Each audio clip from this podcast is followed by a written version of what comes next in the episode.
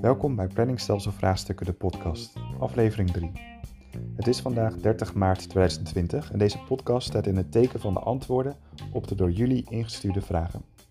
Ik hoop dat het goed met jullie gaat en dat jullie niet te veel geschrokken zijn van de mededeling dat ook in periode 4 het onderwijs digitaal zal zijn. Het is even niet anders en we zullen moeten roeien met de riemen die we hebben. In deze podcast zullen Anna en Marlies jullie ingestuurde vragen beantwoorden. Verderop in de podcast zal Marlies iets toelichten over de oefenvragen die op Blackboard staan. Ze zal de antwoorden geven op deze oefenvragen en ze zal ook iets meer aangeven over wat je kan verwachten voor het tentamen. Laten we beginnen met de vragen.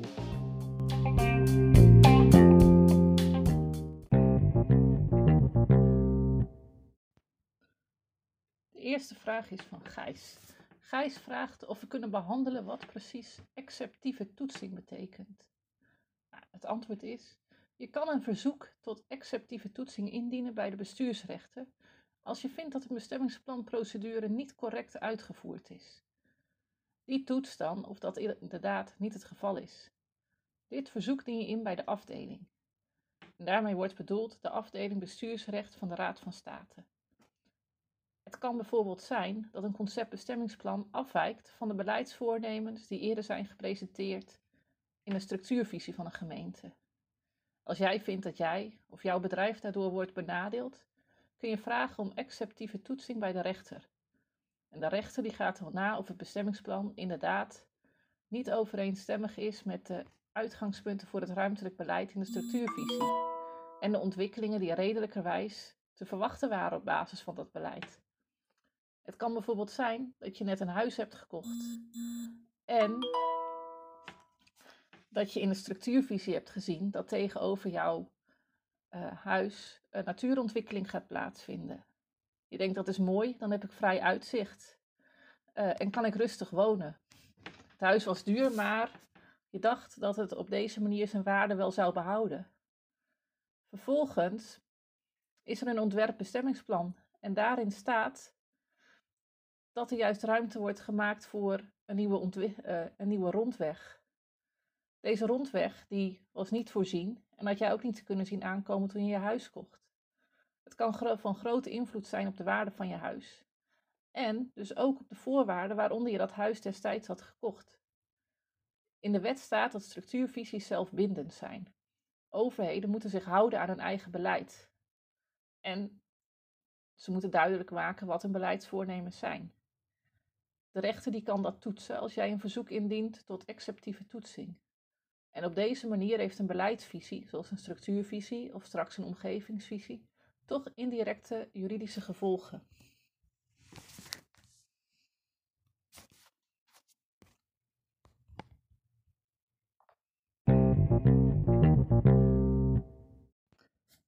De volgende vraag gaat over um, wat het verschil is in omgevingswet tussen een programma en een omgevingsplan. In beide staan namelijk maatregelen om de ruimtelijke kwaliteit te behouden. Dat klopt. Um, er is echter ook een verschil. In een omgevingsplan staan namelijk plaatsgebonden regels. Die gelden voor een specifiek gebied of een perceel of zelfs een punt in een omgevingsplan. Aan een programma kunnen alleen algemene regels verbonden worden in een omgevingsverordening. Dus die gelden voor de hele gemeente of de hele provincie. Ze kunnen niet gebiedsspecifiek zijn.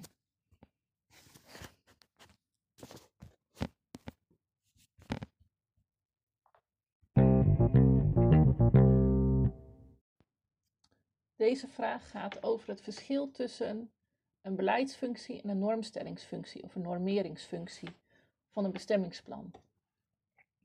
Want bij beleid worden er toch ook regels en beleidspunten voorgesteld. De vraag is of wij het onderscheid en verschil tussen beleid en normstelling nog een keer kunnen uitleggen.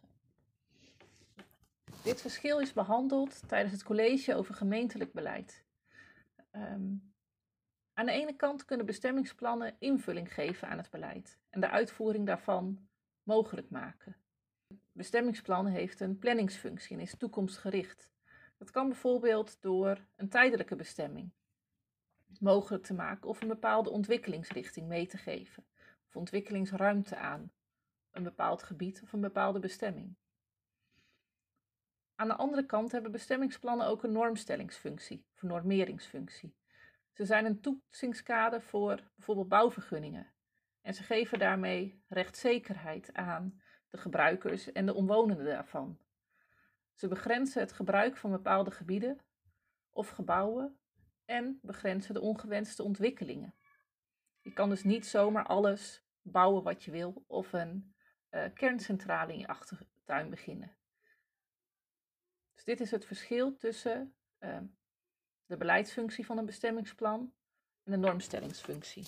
Dus aan de ene kant is een bestemmingsplan uh, behoudend, aan de andere kant kan het met andere ehm, middelen ook ruimte geven aan ontwikkelingen.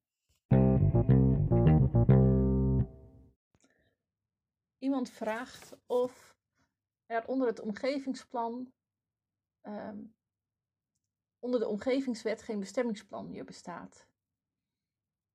Nou, onder de omgevingswet uh, wordt het bestemmingsplan vervangen door het omgevingsplan. Dus er is dan geen bestemmingsplan meer.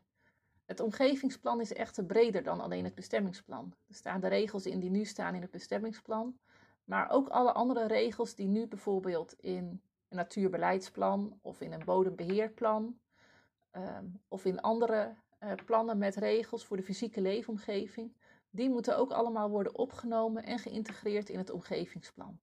Een omgevingsplan is dus breder dan het bestemmingsplan.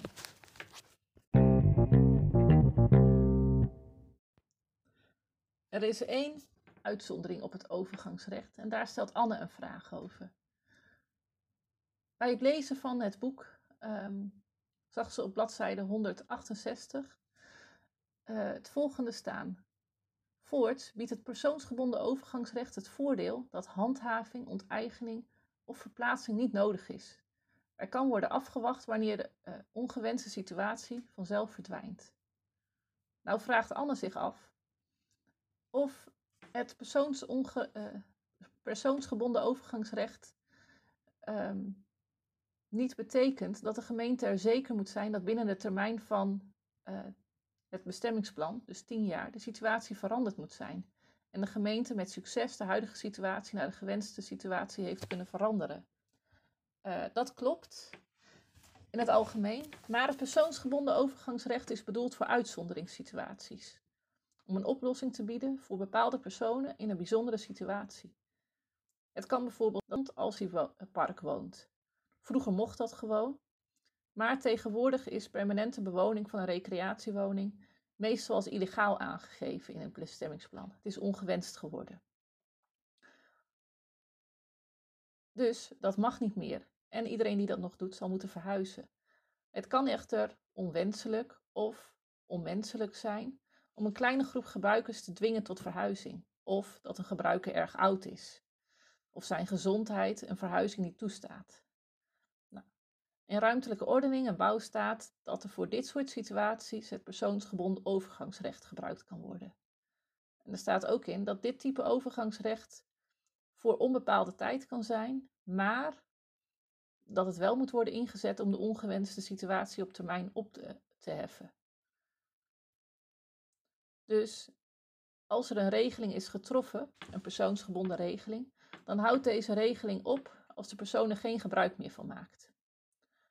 Dat kan bijvoorbeeld zijn als hij of zij alsnog besluit te verhuizen of als hij of zij komt te overlijden. Uh, de nabestaanden of de kinderen, die mogen dan niet onder dezelfde voorwaarden op het vakantiepark gaan wonen. Uh, het is dan alleen nog maar toegestaan voor tijdelijk gebruik.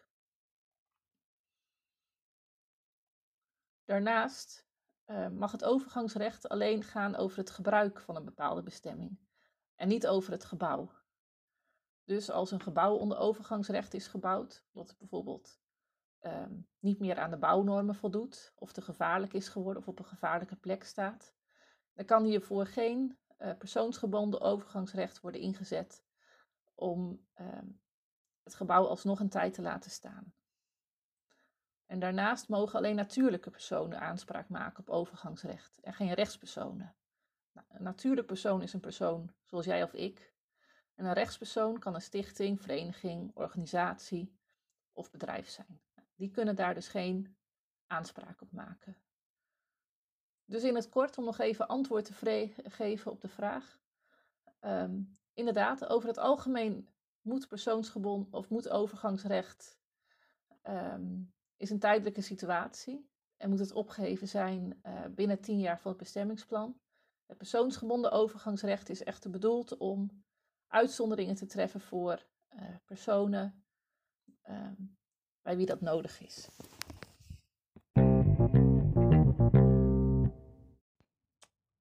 Lunet vraagt zich af of wij nog een keer het verschil tussen uh, de WRO uit 2008 en de omgevingswet kunnen uitleggen. Vraag is uh, wat er nou eigenlijk de belangrijkste verschillen zijn tussen die twee. Nou, aan de ene kant zijn de verschillen niet zo heel groot. Um, beide gaan over ruimtelijke ordening um, en hoe we daar ruimte aan gaan geven. Het doel van de omgevingswet is om meer flexibiliteit te bieden en ook om integraler te zijn uh, dan de wet ruimtelijke ordening. En daarbij zijn uh, drie dingen van belang. Um, ten eerste is uh, de bedoeling dat de omgevingswet meer invulling gaat geven aan flexibiliteit en meer ontwikkelingsgericht is. Dus in, plaats van het begrenzen van ontwikkelingen, um, wil ze juist aangeven waar ontwikkelingsruimte is. Door bijvoorbeeld in um, het omgevingsplan duidelijk aan te geven wat, uh, wat die ontwikkelingsruimte is. Daarnaast is de omgevingswet integraler dan de WRO. Ook bij de vorige herziening in 2008 moest de wet integraler worden dan de wet daarvoor. En er zijn al best veel regels uh, voor de fysieke leefomgeving te uh, geïntegreerd in de WRO. Um, de omgevingswet bundelt en moderniseert alle wetten voor de uh, leefomgeving. Het gaat hierbij onder andere om wet en regelgeving over bouwen, milieu, water, ruimtelijke ordening en op uh, natuur. En de omgevingswet bundelt deze wetten in één wet. Dus van 26 verschillende wetten gaat de omgevingswet naar één wet, de omgevingswet. En in plaats van 60 maatregelen van bestuur zijn er in de omgevingswet nog maar vier algemene maatregelen van bestuur. Nou, Daan Hollemans heeft deze behandeld in zijn college. En in plaats van 75 ministeriële regelingen is er nog maar één uh, omgevingsregeling. En de bedoeling is um, dat het daardoor eenvoudiger wordt, um, maar ook dat er sneller beslissingen worden kunnen worden genomen. Het moet namelijk, als al deze regelingen op elkaar zijn afgestemd en bij elkaar staan, um, sneller mogelijk zijn om in één oogopslag te zien wat er wel mogelijk is in een gebied en wat er niet mogelijk is. En tegelijkertijd is het ook de bedoeling om meer ruimte te bieden aan lokaal maatwerk. Nou, dit gebeurt in het omgevingsplan. Want in het omgevingsplan wordt behalve het bestemmingsplan ook alle andere wet en regelgeving dat te maken heeft met de fysieke leefomgeving verwerkt en op elkaar afgestemd. Het omgevingsplan hoeft niet meer iedere tien jaar geactualiseerd te worden, zoals in de WRO, maar is onbeperkt geldig. En aanpassingen kunnen worden gedaan door bijvoorbeeld een vergunningaanvraag of een aanvraag tot wijziging. Een andere belangrijke verandering is de digitalisering. Voor een deel is dit al tot stand gekomen onder de WRO, toen is het omgevingsloket geopend. En daarmee heeft hier nog maar één om aan te vragen als je iets wou veranderen aan de fysieke leefomgeving. Maar vervolgens moesten ambtenaren nog wel alle andere wet en regelgevings uitpluizen om te kijken of dat nou wel of niet mogelijk is. Nou, in de toekomst um, kunnen op dat omgevingsloket initiatiefnemers, zoals aannemers, ondernemers, overheden of omwonenden, snel zien wat er mag of niet mag in de leefomgeving. Alle wet en regelgeving, dus niet alleen de ruimtelijke ordening, maar ook over geluid, water, uh, natuur, uh, bouwen, noem maar op, is al verwerkt in het omgevingsplan. En daarmee kun je meteen een vergunning aanvragen. Het kan zijn dat iets eh, vergunningplichtig is, maar het kan ook zijn dat er alleen een meldingsplicht is. Dus ook in die zin wordt het weer uh, flexibeler en duidelijker wat er uh, mogelijk is. Tot slot zijn er nog een um, aantal andere verschillen. uh, bijvoorbeeld de omgevingsvisie, die vervangt de structuurvisie. Um, ook hierin wordt uh, gestreefd naar een breder begrip van de fysieke leefomgeving. Het gaat bijvoorbeeld niet meer om een goede ruimtelijke ordening, zoals onder de WRO, maar om de kwaliteit van de fysieke leefomgeving. En ook hierin moeten alle uh, wet en regelgeving worden opgenomen. Um, daarnaast is participatie uh, belangrijker geworden. Dus er moet van tevoren worden gecommuniceerd um, met alle belanghebbenden, of zij misschien initiatieven hebben, of over hoe ze het uh, plan zien. Nou, dit zijn kort de drie belangrijkste veranderingen van de WRO naar de omgevingswet. Boris vraagt: precies de standaard stemmingsplan, zoals bouwover, gebruiksovergangsrecht en personenovergangsrecht, in zijn werking gaan en hoe zij in verhouding staan tot het bestemmingsplan? Nou, om deze vraag goed te kunnen beantwoorden, zal ik eerst iets uitleggen over het overgangsrecht. Het kan bijvoorbeeld gebeuren dat een bepaalde bestemming of gebruik van een perceel na verloop van tijd ongewenst is geworden of ruimte moet gaan maken voor een nieuwe ontwikkeling. Dat kan je veranderen door het bestemmingsplan te herzien en aan te passen. Echter, zonder het overgangsrecht zou de oorspronkelijke eh, bestemming meteen illegaal zijn met het goedkeuren van het nieuwe bestemmingsplan. De gemeente moet echter rekening houden met bestaande belangen en rechtszekerheid van de gebruikers. En dus ook dat de tijd nodig is om je aan te passen aan een nieuwe situatie. Om hierin te voorzien bestaat er het overgangsrecht. Dat geeft betrokkenen de tijd om onder het nieuwe bestemmingsplan te zoeken naar alternatieve locaties voor hun activiteiten of om het gebouw te slopen als dat nodig is. Een bouwwerk of een gebied wordt dan onder overgangsrecht geplaatst in het nieuwe bestemmingsplan. Nou, de regels voor hoe je overgangsrecht toe, uh, toepast, die zijn algemeen. Het zijn standaardregels. En die voor alle bestemmingsplannen op dezelfde manier gebruikt moeten worden. Een gemeente kan hier dus geen eigen aanpassingen aan doen. En kan niet zeggen het overgangsrecht dat duurt uh, eh, 20 jaar of slechts een half jaar. Dat is altijd voor de duur van het uh, toekomstige bestemmingsplan. Dus om een functie of een gebied onder overgangsrecht te kunnen plaatsen, moet de gemeente zich houden aan de regels die er gelden voor het gebruik van het overgangsrecht. En dat betekent dus ook dat gemeente bestemmingen niet van de een op de andere dag mag veranderen, als iemands belangen daarmee worden geschaad. Maar ook dat het overgangsrecht niet oneindig, oneindig lang mag duren. Een nieuwe bestemming moet gerealiseerd worden binnen de geldigheidsduur van het bestemmingsplan. Om te voorkomen dat mensen verschillende documenten moeten raadplegen, heeft de wetgever bepaald dat algemene regels in het bestemmingsplan moeten worden opgenomen. Zodat duidelijk is voor iedereen wat die standaardregels zijn.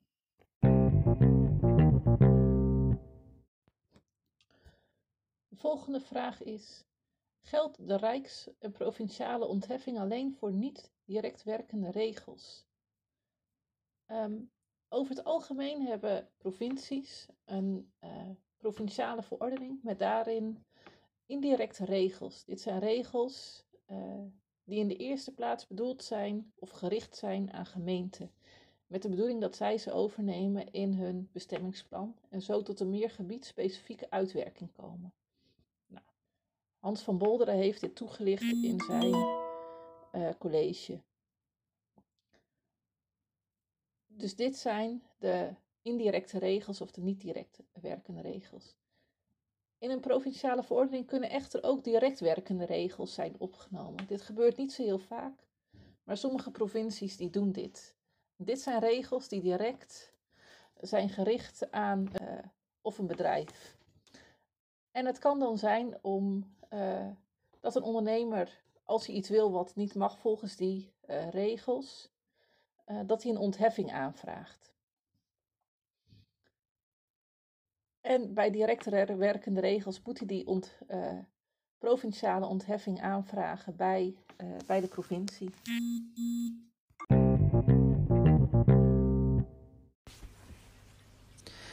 De vraag kwam of de provinciale instrumenten nog een keer langs kunnen komen en dan vooral ook even ingaan op de aanwijzing en de instructieregel.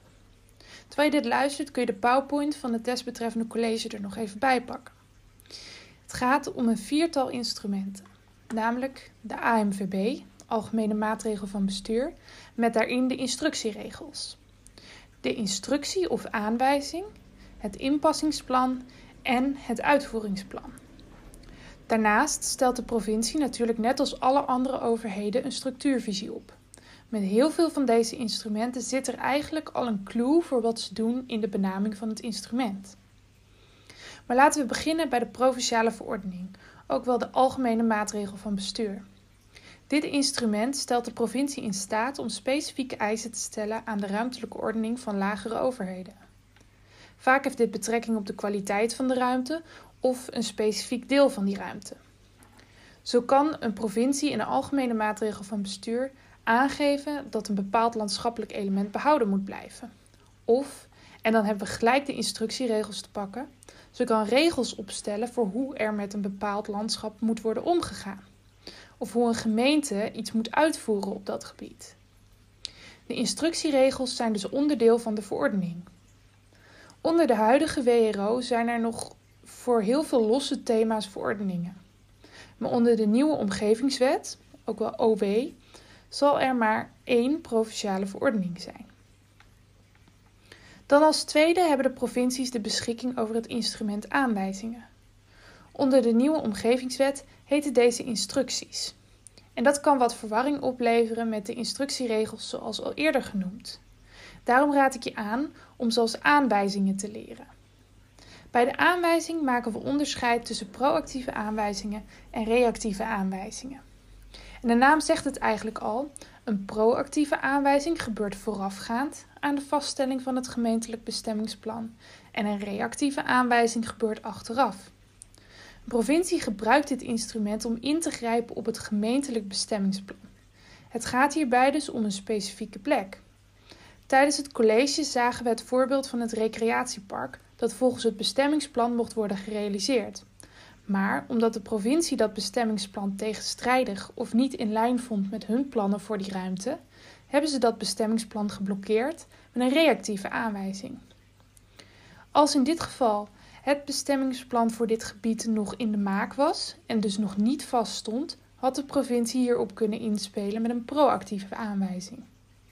Het gaat hierbij dus om de macht van de provincie om invloed en zeggenschap uit te oefenen op een bestemmingsplan. Om deze reden is de aanwijzing dus ook net als het bestemmingsplan zelf juridisch bindend. Gemeenten hebben niet de beschikking over het instrument instructieregel of aanwijzing.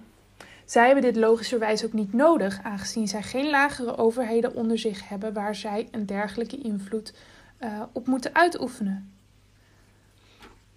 Dan als derde hebben we het inpassingsplan. Dit is eigenlijk heel simpel gezegd een bestemmingsplan van de provincie. Provincies hebben bijvoorbeeld een inpassingsplan voor infrastructuur, waarin ze een aantal locaties aanwijzen voor provinciale wegen en knooppunten. Hier dient de gemeente dan ruimte vrij te laten zodat de provincie op dat stuk grond kan uitvoeren en beheren. Omdat dit vergelijkbaar is met de gemeentelijke bestemmingsplannen, moeten provincies bij de vaststelling hiervan dezelfde procedure doorlopen als gemeenten bij de vaststelling van het bestemmingsplan doen.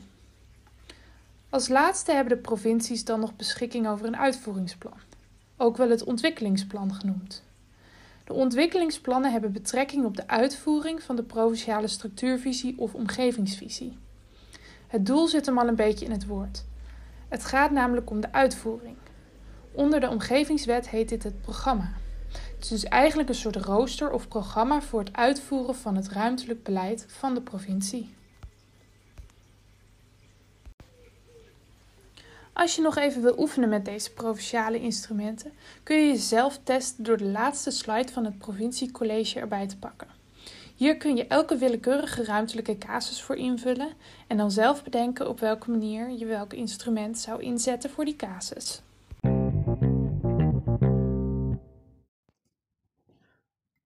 Op Blackboard stonden drie voorbeeldvragen voor de tentamen planningstelselvraagstukken. Bij deze de antwoorden op die vragen. Vraag 1. Vul op de lege plek het juiste instrument uit de omgevingswet in. Met algemene regels in het omgevingsplan kan de gemeente andere functies mogelijk maken. Dus het goede antwoord is algemene en het omgevingsplan. Deze vraag gaat over het uh, uh, toepassen van instrumenten in de context. Al Anne heeft daar in haar college over uh, de provincie veel aandacht aan besteed. Dus mocht je dit lastig vinden, kan je dit college terugzoeken. De tweede vraag is in het hoorcollege van Daan Hollemans en in Van der Schoot het al 2017 zijn verschillende aspecten van de nieuwe omgevingswet behandeld. De omgevingswet bevat zes kerninstrumenten. Vraag A is: noem er drie en licht die kort toe. Leg uit voor welke overheidslagen of lagen het instrument ingezet kan worden en welk doel het instrument heeft.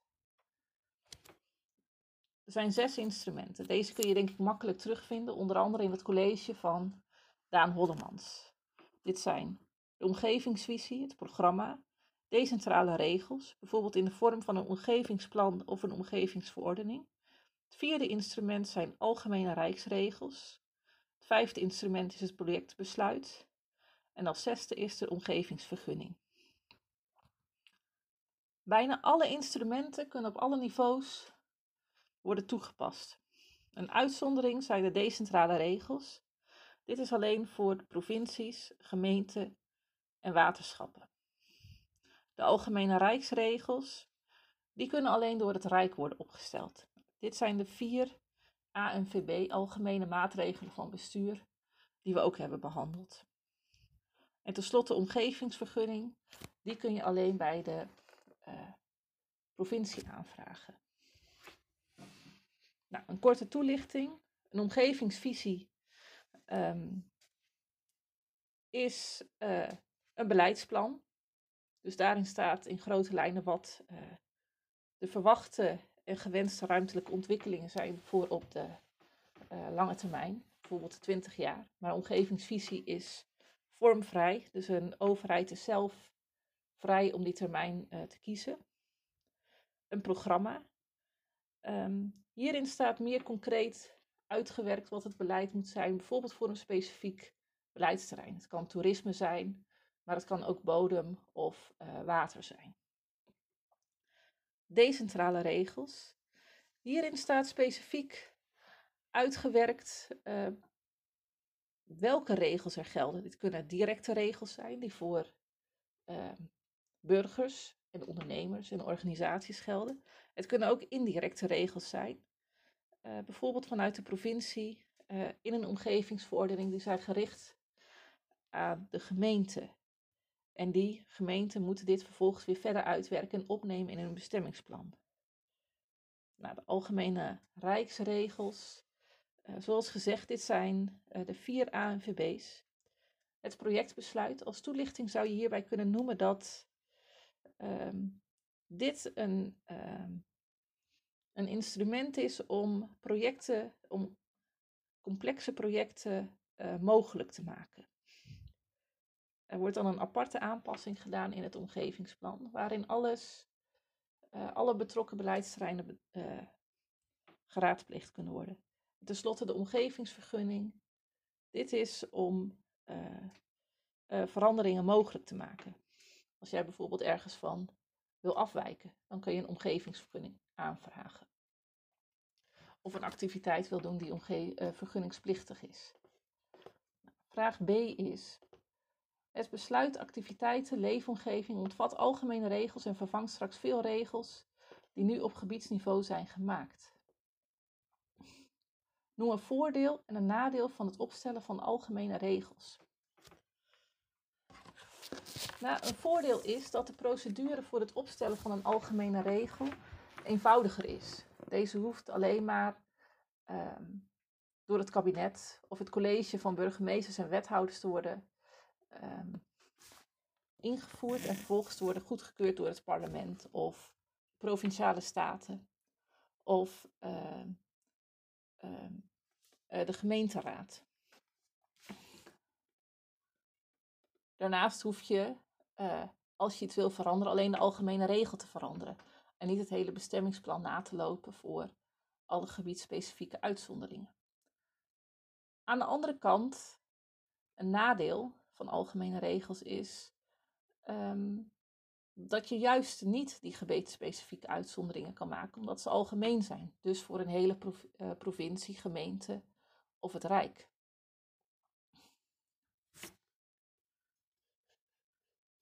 Goed. Tot slot vraag 3. Dit is een casusvraag die je ook kan verwachten op uh, het tentamen.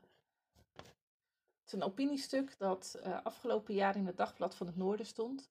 Zonder regie is het landschap weerloos. En de vraag is: welke overheidslaag zou het best uitgerust zijn om deze regierol op zich te nemen? Voor de hierboven genoemde vraagstukken. Beargumenteer je antwoord. De overheidslaag die hier het best toe uitgerust zou zijn, is de provincie. En daar hebben we het in het college van uh, over de provincie, uh, het beleid dat zij uitvoert en de wet en regelgeving over gehad dat hun rol in de loop der jaren steeds meer is veranderd van een uitvoerende instantie tot een gebiedsregisseur. Nou, de vraagstukken die hierin staan, uh, industrie, um, de agrarische sector, maar ook uh, distributie en datacentra, windmolens en zonneparken. Dit zijn allemaal um, uh, um, landgebruikstypes of functies die een regionaal schaalniveau behoeven. Je hebt niet in iedere gemeente een uh, windmolenpark, maar het is wel handig om dit op een meer regionaal niveau uit te werken en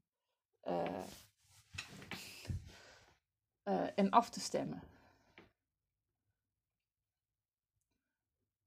Dus daarom is de provincie bij uitstek geschikt om uh, hiërarchie aan te geven.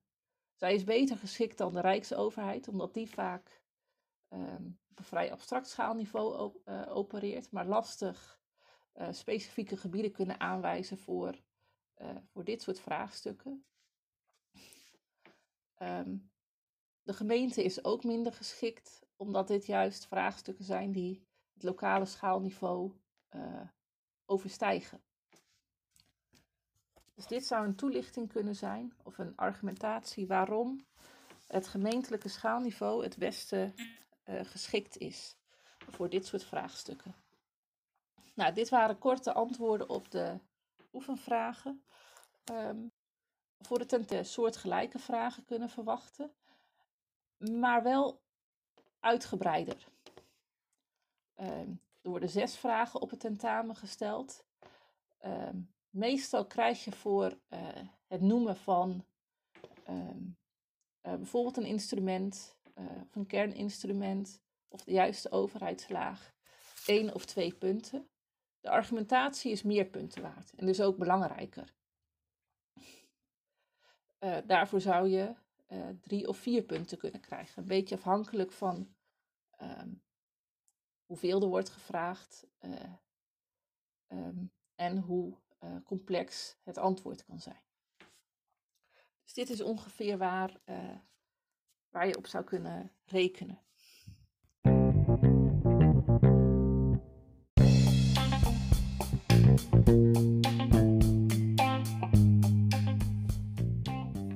Dit was de laatste podcast.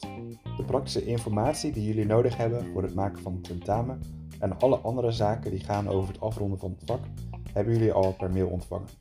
Mocht er nog iets belangrijks zijn, dan zal dat zeker jullie kant op komen. Een heel belangrijke vraag aan jullie is een vraag die we aan het begin van de cursus ook al aan jullie hebben gesteld. Mocht je nou een goede naam hebben ter vervanging van de naam planningstelselvraagstukken, een andere naam dus voor deze cursus, dan horen we dat graag.